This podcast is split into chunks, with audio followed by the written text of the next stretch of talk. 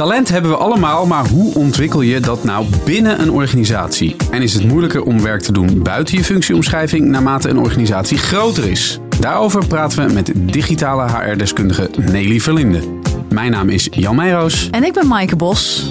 Leuk dat je luistert naar Work in Progress, de podcast van Intermediair over werk, carrière, work-life balance en persoonlijke groei. Nelly, welkom. Dankjewel. Je hebt het blogplatform Digital HR Tech mede opgezet en je schrijft daarvoor. En daarnaast ben je hoofdcontent bij HR-softwareontwikkelaar Talentsoft.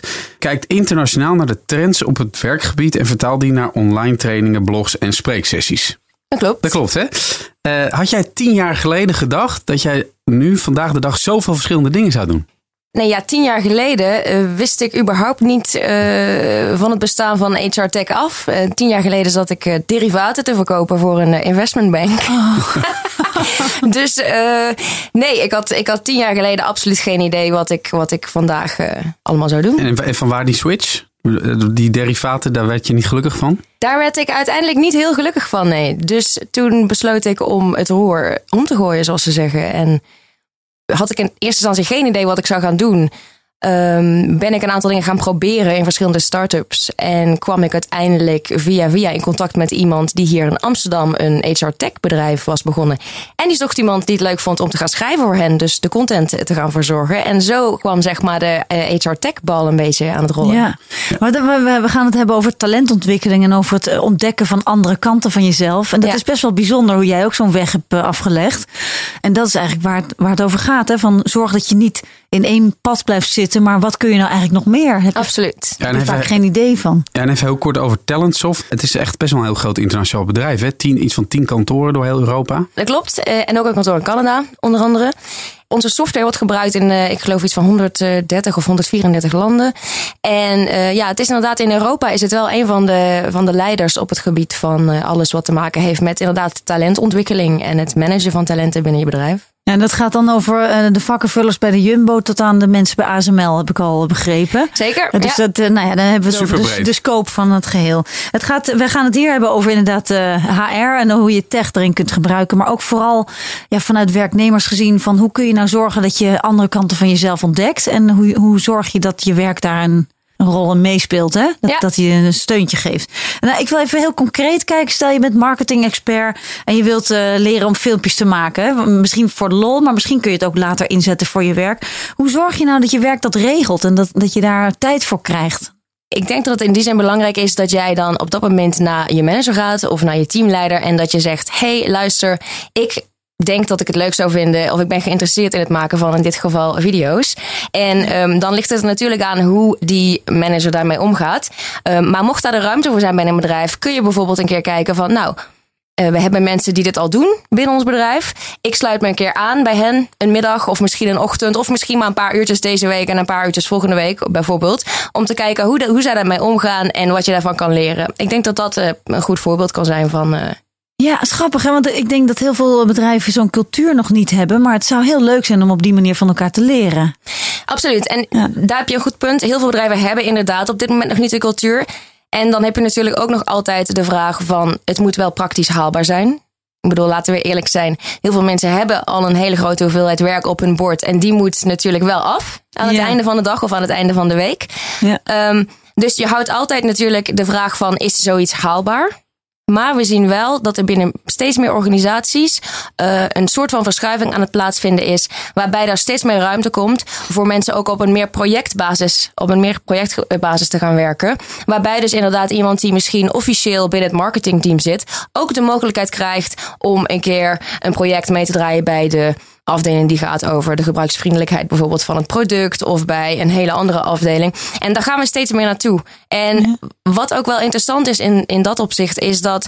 Um, dit is ook een soort van werkplek leren. Ik weet niet of jullie daar ook al uh, meer uh, dingen over meegekregen hebben. Maar we, gaan, we zien ook steeds meer dat is echt het werkplek leren. En daarbij wordt dus eigenlijk echt de hele werkplek wordt een beetje gezien als een soort van plek waar je kan leren. En dat kan dus onder andere op deze manier door dus inderdaad aan projecten deel te nemen die niet per se een project zijn dat bij jouw team hoort. Ja. Ja, ik vind het een interessant concept, dat werkplek leren. Maar ik vraag me dan meteen af, hoe ziet dat eruit? Hè?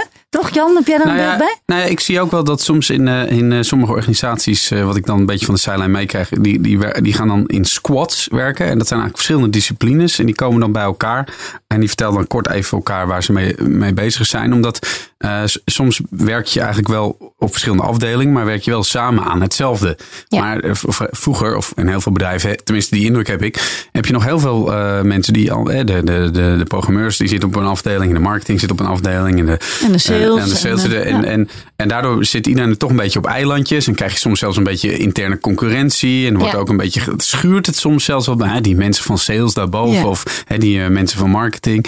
En door, door dat meer samenwerken en meer af en toe bij elkaar te kijken, die kruisbestuivingen. Ja, volgens mij kan het alleen maar goed zijn voor een organisatie en ook voor de onderlinge sfeer. Absoluut. Ik heb nog wel een mooi voorbeeld daarover. Ik was uh, eind vorig jaar was ik op een event en daar spraken verschillende mensen van verschillende bedrijven. En zij vertelden dus inderdaad ook wat zij doen aan uh, die kruisbestuiving, zoals jij dat zo mooi zegt, Jan. Um, en wat zij daar dus bijvoorbeeld doen, is elke week hebben ze een meeting op bijvoorbeeld een vrijdag. En daarbij wordt een probleem van, van bijvoorbeeld de developers wordt daar uh, aan de kaak gesteld. Maar iedereen, of ik nu uh, in het communicatieteam zit of in de mark op de marketingafdeling of misschien op de legal afdeling, iedereen kan eigenlijk naar die meeting. En dan wordt er dus door een heleboel verschillende mensen vanuit een heleboel verschillende perspectieven naar dat probleem gekeken. En dat schijnt dus echt tot verrassende inzichten te leiden. En daarin wordt ook vaker ontdekt: hey, die persoon die eigenlijk op de IT-afdeling zit, die is eigenlijk super creatief. En die had fantastische ideeën toen marketing tegen een bepaald iets aanliep, bijvoorbeeld. Dus dat is een super mooie manier, inderdaad, om, uh, ja, om zoiets te stimuleren binnen een bedrijf. Nou, en ook voor een werknemer, hè? als je dan op die manier jezelf kunt profileren. Ja. En, uh, en, en kunt laten zien dat jij voor bepaalde problemen snel een oplossing kunt vinden, dan heb je weer meer kans op andere taken in je bedrijf. Absoluut. Ja. En dan heb ik ook het idee dat, uh, uh, weet je, vooral de millennials uh, rond de 30 en de generatie Z, zoals dat, of het is dat alweer X, ik haal die letters altijd door elkaar, maar zo rond de 20, echt een beetje die mensen die nu aan het studeren zijn of, of binnenkort op de arbeidsmarkt komen, die, die, die, die willen niet meer zoals de generaties voor hun of die generatie daarvoor gewoon één ding goed doen en that's it. Die willen eigenlijk van alles wel wel, wel een beetje proeven. En die, willen, die zijn ook wel, heel snel wisselen. Zien jullie die trends ook? Dat zien we absoluut. En ik denk dat dit ook iets is waar we niet meer omheen kunnen. We horen natuurlijk ontzettend veel momenteel over de digitalisering. Ook de digitalisering op de werkvloer.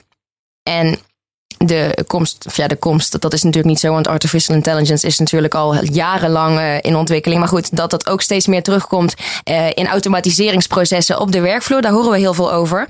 En we horen ook heel veel over dat binnen nu en 10, 12 jaar er heel veel banen zijn. Volgens mij gaan de, gaan de verschillende studies, sommige gaan uit van 85 procent, andere zeggen 90 procent van de banen die er in 2030 zijn, die bestaan momenteel nog niet. Ja, dus als je dit soort dingen ziet, dan is het ook logisch dat mensen zich eigenlijk breed moeten oriënteren. Of in elk geval dat mensen flexibel moeten zijn. En dat mensen ook continu moeten blijven leren en zich verder moeten blijven ontwikkelen. Om op die manier eigenlijk zich zo goed mogelijk voor te bereiden op die toekomst. Waarvan we nog niet per se weten hoe die eruit gaat zien. Maar hoe moet je dan je ontwikkelen? Hè? Dat is. Hoe? Ja, Waar ga je nou, heen? Wat doe je dan? Ja, kijk, dus Kijk, het, het, daar, zijn, daar zijn verschillende dingen natuurlijk. Je kunt je ontwikkelen puur specifiek op een bepaalde baan gericht. Ik denk dat dat iets is dat zal, dat zal belangrijk blijven, want er zijn gewoon bepaalde vaardigheden die jij nodig hebt voor een bepaalde baan. Maar we zien dat steeds meer andere dingen belangrijk worden. En dat zijn eigenlijk, ja, dat noemen ze dan de soft skills, waar we nu ook heel veel over horen. Maar dat zijn zaken zoals goed kunnen communiceren, goed kunnen luisteren, goed kunnen samenwerken. Daar hebben we het toch weer. De samenwerking tussen verschillende medewerkers en ook verschillende afdelingen. Kritisch kunnen denken. Dus kritisch naar bepaalde zaken kunnen kijken. En ook kritisch kunnen zijn in de informatie die wij van alle kanten toegeschoven krijgen. En daarin zelf kunnen selecteren van wat doen we nou met, met, met welke informatie. Dit soort zaken wordt steeds belangrijker. Zou je ervoor pleiten dat dat, dat soort, een soort basis. Uh basisvak wordt als je gewoon naar een HBO of een universiteit gaat? Dit soort dingen, dit soort kritisch kijken, samenwerken. Ja, ik denk het wel. Best wel, best ik denk dat dat best wel leuk ja, lijkt mij hartstikke ja, leuk. Ja, nou, absoluut. ik zit te denken aan uh, opleidingen uh, tot dokter of zo. Die mensen krijgen inmiddels ook uh, les over hoe je slecht nieuws brengt en hoe je met patiënten omgaat. Dus dat speelt wel meer. Maar inderdaad, bij een opleiding economie of, of marketing bij een HBO weet ik niet of daar nou echt lessen in zijn. Nee. Goeie, ja. Hm. Ja. Er is wel ook een master, uh, master werkgeluk hè? aan de Fontys Hogeschool. Oh ja? Oh. Ja. Ja, dus dat werkt toch ook wel door. Een chief happiness officer en zo, dat begint wel te komen. Work in progress. Ik was naar een congres in Barcelona en daar, daar kwam ook dat uh, Talentsoft software naar voren. En wat ik heel leuk vond, was een van die kleine voorbeelden was dat je zag binnen die, dat stukje software dat je inzicht kunt krijgen dat als jij uh, bepaalde skills hebt, dat het, het, programma zo ingericht kan worden dat hij laat, kan laten zien bij welke andere mensen binnen je organisatie jij eventueel goed zou passen. Oh, dus het, is, het, het is eigenlijk een soort interne soort platform waar je, ja, ik wil niet zeggen een soort eh, Facebook. Datingbureau. Ja, ja, ja, dating. Ja, soort, soort Tinder, Facebook achter alleen dan voor je werk. Waar, waar je dus schrijft van nou, deze mensen hebben deze skills en deze mensen hebben deze skills. Die hebben deze cursus gedaan. En op die manier word je best wel gestimuleerd. Ja. Uh, Talentsoft werkt met name voor hele grote organisaties. Hè, vanaf, vanaf bedrijven die echt duizenden mensen in dienst hebben. Stel dat je wat kleine bedrijven, MKB, 200, 300 man. Uh, hoe stimuleer je dan toch die, die talentontwikkeling als, als je niet van dat soort externe tools hebt? Ja, ik denk dat in, op het moment dat je inderdaad spreekt over een wat kleiner bedrijf, dan wordt de rol van de manager of de teamleider wordt in die zin ook uh, een stuk belangrijker. En wat bedoel ik daarmee? Um, een manager, of course, die moet ervoor zorgen dat mensen goed samenwerken als team. Maar ik denk, en dat, daar zien we ook een verschuiving, steeds meer, zeker ook in deze tijd waarin mensen toch wel vaak wat meer verwachten dan hun baan dan alleen maar uh, het werk dat ze aan het doen zijn, maar inderdaad ook willen groeien en willen kunnen blijven leren, is het ook aan de manager of aan de teamleider om uh, te kijken van, hey, waar is hij of zij nou goed in? En ook na te denken, zelfs een stapje verder, van wat zou eventueel interessant kunnen zijn. En niet om nou een promopraatje te gaan houden, maar mijn manager bijvoorbeeld, die heeft mij al een aantal keer dingen voorgesteld, een aantal dingen voorgesteld, zoals bijvoorbeeld uh, het event in Barcelona, waar hij zei: Hey, wil jij anders even voor een hele grote groep mensen die en die persoon gaan interviewen? Toen hij mij dat voorstelde in eerste instantie, dacht ik: Wow. Dacht Ja, ja. Maar uiteindelijk dacht ik, ja, dit is misschien wel heel cool. En vervolgens heb ik het gedaan en dacht ik daarna van, ja, dit was ontzettend gaaf om te doen. Maar dat is hij. Hij heeft daar eerder over nagedacht dan ik. En hij heeft iets gezien wat ik zelf nog niet eens per se in de gaten had. Je had het, dat, zoiets nog niet eerder gedaan in, in, in deze vorm? Niet op deze schaal in elk geval, nee. nee. Um, voor mij is dat, is dat echt ook een taak in elk geval van de manager. Omdat dat toch de persoon is die het vaakste en het dichtst bij uh, de mensen staat met wie die samenwerkt op dagelijkse basis. Um, en dus ik vind dat daar een rol ligt voor de manager maar om mensen te stimuleren. Wel, wel erg getroffen met je manager. Want heel veel managers die, die, die doen dat gewoon nee, niet. Dat ook, en, en, niet eens bewust, maar ook omdat ze zo druk zijn ja. met van alles en nog wat. Ja, maar het is ook hun taak om, om meer uit hun mensen te halen. Absoluut. En weet je wat ik nou opeens moet denken? Van kijk, als je zelf in je baan zit, dan is dat het niveau waar je op dat moment bent. Ja. Dat is zeg maar jouw, jouw wereld. Uh, zeg maar. En die manager die hoort een soort meer paraplu visie te hebben. Exact. En die weet dan van wat een volgende stap voor jou zou kunnen zijn. Ja. Waar jij nog echt niet mentaal aan toe bent. Ja. Tenzij je een super carrièreplanner bent. Maar je kunt ook niet alles de, weten. De, de, de, de, dreiging dat je snel vastgeroest zit in je baan ligt altijd wel op de loer. A, je, hebt, je hebt misschien geen manager die jou uitdaagt. Ja. En B, er moeten KPI's en, en targets gehaald worden. Dus, dus het werk waar je voor bent aangenomen moet ook gewoon uitgevoerd worden. Um, ja, dat lijkt me echt wel een lastige, lastige materie ja. om die mensen uit te dagen en die mensen voortdurend op die zelfontwikkeling en talenten trein te krijgen. Ja, ik denk dat, dat hier twee dingen zijn. Eén, kom ik toch weer even terug op die manager.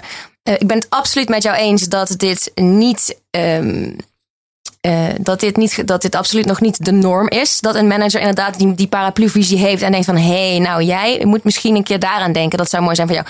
En misschien is dat ook inderdaad door de realiteit van de drukte en de KPI's en alles wat af moet, um, misschien niet altijd haalbaar. Maar wat ik denk dat dan een, um, nou laten we zeggen, een tussenstap zou kunnen zijn of een tussenoplossing, is dat jij als bedrijf wel een um, werkomgeving hebt gecreëerd waarin mensen gewoon durven te zeggen tegen hun collega's, maar ook tegen hun uh, manager of tegen misschien wel de baas van de manager van, hey, ik heb het eigenlijk wel gezien in het werk wat ik op dit moment doe. Ik zou heel graag een keer iets anders willen doen. Of ik zou heel graag een keer willen kijken. Uitstapje willen maken. Ja. ja, exact. Ik denk dat, dat jij die, ja, het woord cultuur heeft best wel vaak natuurlijk meteen zo'n zo'n lading. Maar ik denk dat je binnen je bedrijf, uh, dat het heel belangrijk is dat mensen dat gewoon durven te zeggen. En dat, ze dus, dat je dus voorkomt dat ze vastgeroest raken. Omdat ze weten, hey, op het moment dat ik er genoeg van heb. Of op het moment dat ik me even niet meer helemaal eh, lekker voel eh, bij wat ik nu aan het doen ben. Dan kan ik dat in elk geval uitspreken. En dat wil niet zeggen dat ik volgende week helemaal op mijn plek zit. Ben in een ander team. Maar dan heb ik het wel kunnen zeggen. En dan weet ik ook dat daar, als het goed is, iets mee gedaan gaat worden. Dus ik denk dat nou, dat dan een. Ik denk ook, er kan ook iets anders mee gedaan worden. Want uh, zodra je zegt, ik wil eigenlijk wel hiermee stoppen. of ik zie het niet meer zitten. dan, dan kan het ook zijn dat je voor hen mentaal al niet meer meetelt. Ja. En langzaam uitgerangeerd raakt. Dat is natuurlijk waar je bang voor bent om dat te zeggen. Nou ja, dan moet je natuurlijk het slim verantwoorden en te zeggen van uh, ik ben toe aan wat meer uitdaging. Ja. ja. uh, daar heb je een goed punt hoor. Maar punt 1, dat is dus denk ik niet wat je als bedrijf zou moeten nastreven. Ja. Dat wil je dus voorkomen. Um, en punt twee, we hebben het natuurlijk heel vaak nu ook op de krapte op de arbeidsmarkt. En bedrijven vinden het al vaak heel lastig om de goede mensen te vinden.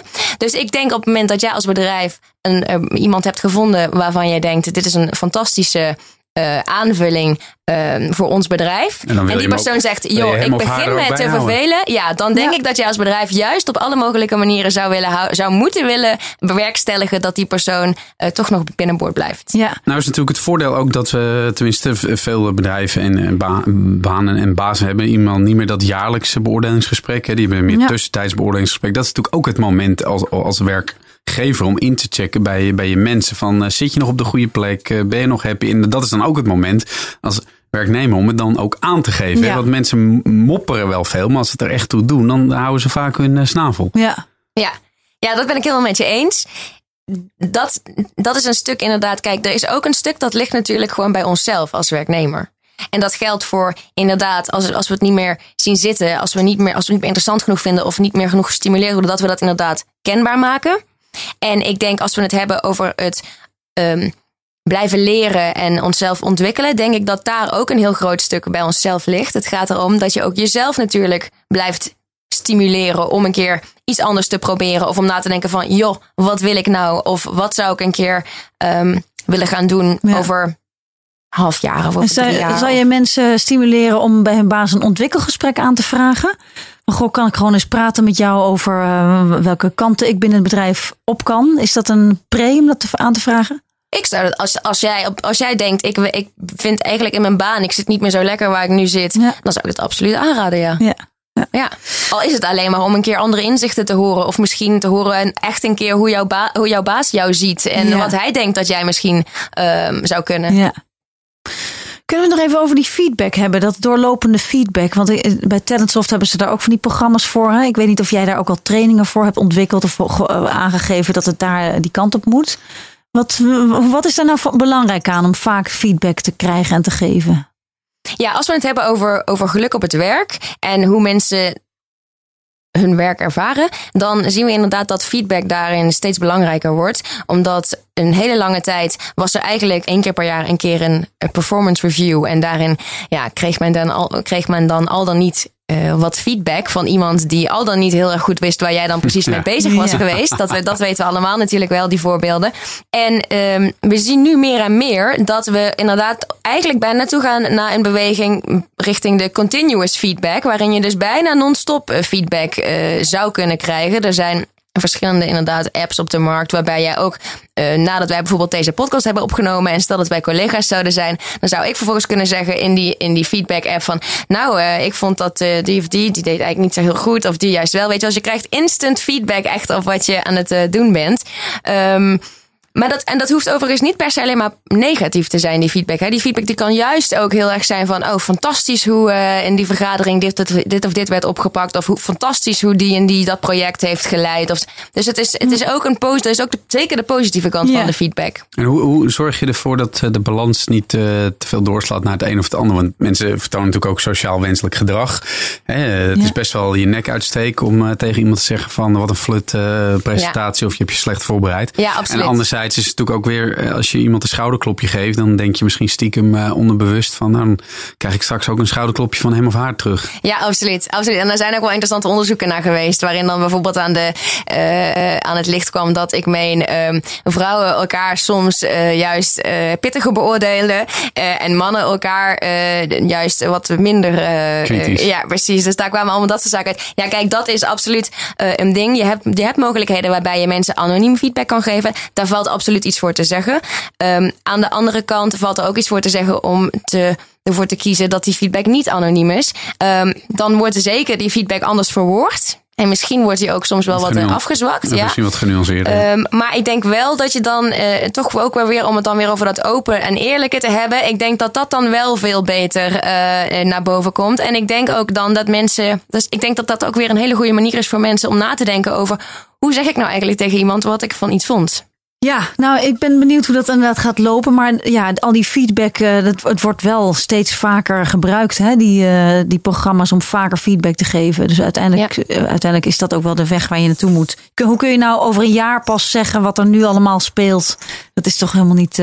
Nee, en dat is ook andersom weer natuurlijk. Hè? Want zo'n feedbackmoment is ook een moment, daar komen we weer, waarbij een werknemer kan zeggen: joh, ik ben eigenlijk niet meer zo blij. Of ik um, wil iets anders. En als jij daar een jaar mee wacht, dan is die persoon misschien al lang breed vertrokken. Ja. Ja. Dus ook daarvoor is het weer belangrijk. Het, is, het, ja. het moet wel absoluut twee richtingen zijn weer hier natuurlijk. Work in progress. Uit een onderzoek van Salesforce onder duizend Nederlands vorig jaar bleek dat één op de drie werknemers zich niet digitaal vaardig genoeg voelt voor de toekomst. Dat is best wel zorgwekkend, toch? Ik denk dat dat, dat zegt iets over, denk ik, het zelfvertrouwen dat mensen hebben als het aankomt op die digitale skills. En ik denk dat we daar met z'n allen eigenlijk best wel al veel meer kunnen dan we denken. Ja. En dan geef ik het meest voor de hand liggende voorbeeld. En dat is de smartphone. Ja. In principe heeft, ik denk, nou, bijna iedereen in elke laag van de bevolking heeft een smartphone. Ja. En dat is toch wel zeg maar de digitale eh, tool, om het zo maar even te noemen, eh, bij uitstek. En die gebruiken we non-stop. Voor van alles en nog wat. En zo'n smartphone is een ontzettend geavanceerd stukje technologie. Nu zeg ik niet dat wij, dat wij natuurlijk weten hoe dat in elkaar zit en zo, maar we weten hem wel te gebruiken. Ja. En we weten ook de tientallen verschillende apps op die smartphone te gebruiken. Dus in die zin denk ik dat het met die digitale skills eigenlijk wel redelijk goed zit bij de meeste mensen. Ja, mensen denken meteen dat ze moeten gaan programmeren als ja. het over digitaal skills ja. terwijl dat helemaal niet aan de orde is. Exact. Ik denk dus dat daar een stukje zit eh, dat de beeldvorming uh, niet helemaal uh, juist is. En dat mensen dus misschien een, toch een soort van angst hebben voor het onbekende. Maar ik, dus ik denk dat daar één een stukje zich, zit eigenlijk gewoon zelfvertrouwen. Geloven in ons eigen kunnen. En dat we dus ook die digitale skills die wij misschien nodig moeten gaan hebben binnen nu en uh, tien jaar of vijf jaar, dat we die dus gewoon wel kunnen leren. En uh, twee, en ik denk dat dat misschien nog wel belangrijker is, we moeten wel eigenlijk altijd willen blijven leren. Ja. Dat is gewoon super belangrijk. Dat is gewoon een. een, een dat is echt, je moet wel denken. Mentaliteit die absoluut. veranderd moet worden. Ja, dat is denk ik. En we zijn nooit uitgeleerd. Nee. Dat kan ook soms betekenen dingen afleren.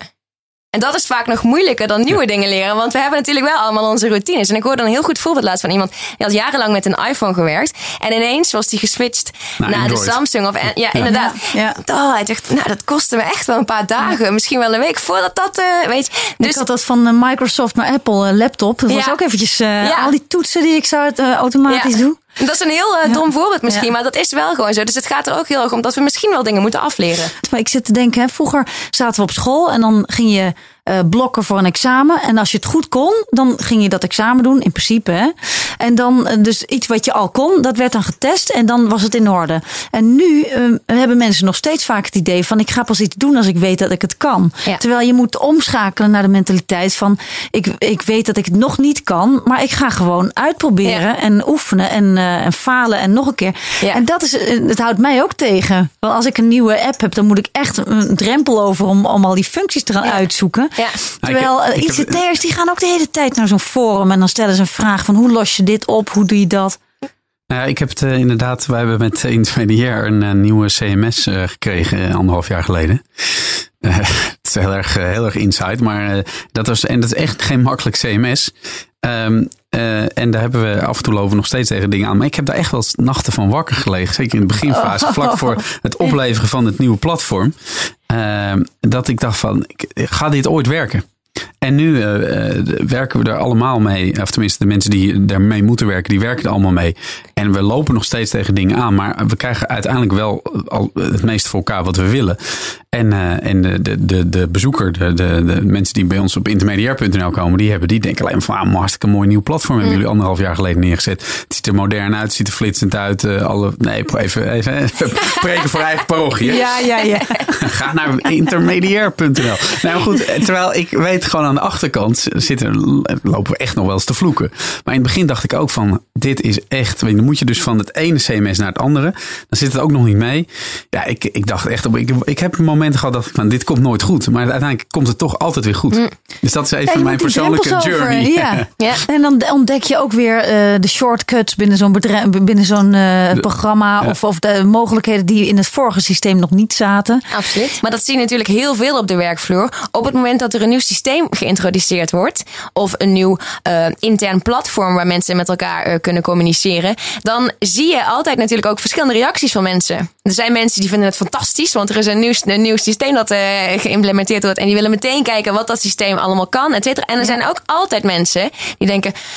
Oh, Weer een nieuw systeem. Oh, ik heb echt geen. Kijk, en dus. Uh, worden, worden de gewoontedieren dan de losers van de toekomst? Is, eigenlijk, is dat niet de vraag? Ja, dat is toch altijd zo. Mensen die, die zeg maar, de oudere generatie, die is gewend iets op een bepaalde manier te doen. En dan komt een nieuwe generatie die zegt het moet anders. En dan zegt die oude generatie snotneus. En die uh, jonge generatie denkt wij hebben de toekomst. En dat, dat riedeltje herhaalt zich toch zo is het ook wel weer. Ja, absoluut. Uh, jij leest heel erg in in trends. Wat, wat zijn nou, waar denk je dat, dat, dat de komende tijd qua talentontwikkeling uh, erg wordt op ingezet? Wat zijn nou de belangrijke trends in ontwikkeling als het gaat om talenten? Ja, je noemde eigenlijk daar straks al een heel mooi voorbeeld van um, wat je in Barcelona had meegekregen. Dus dat stukje van dat iemand in het systeem kan zien van hé, hey, mensen met wie jij samenwerkt, die hebben deze en deze uh, cursussen bijvoorbeeld gedaan. Um, en die hebben deze competenties. Misschien is dat voor jou ook interessant. Dus dat is al wel een stukje. En verder zien we dus, en daar hebben we het eigenlijk heel mooi over gehad vandaag, dat we toch steeds meer toegaan naar die. Ja, we hebben het gehad over feedback, maar dat wordt ook vaker verwoord als continuous conversation. Dus eigenlijk constant in gesprek blijven uh, met de mensen binnen je bedrijf.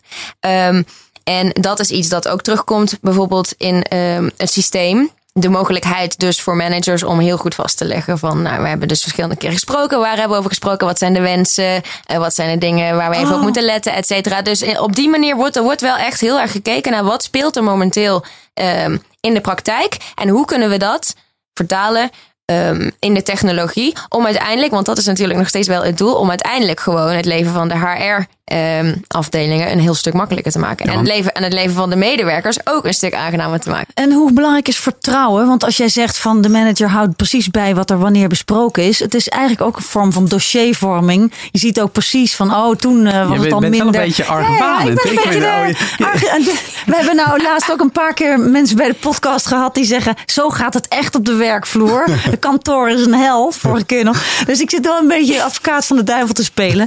Van ja, je ziet gewoon dat die dossieropbouw voor je ogen ontstaan. En je weet ook van, ah, ik, uh, ah, ik, ik heb al drie keer een beetje kritiek gehad. Ik bungel wel, bijvoorbeeld. Hè?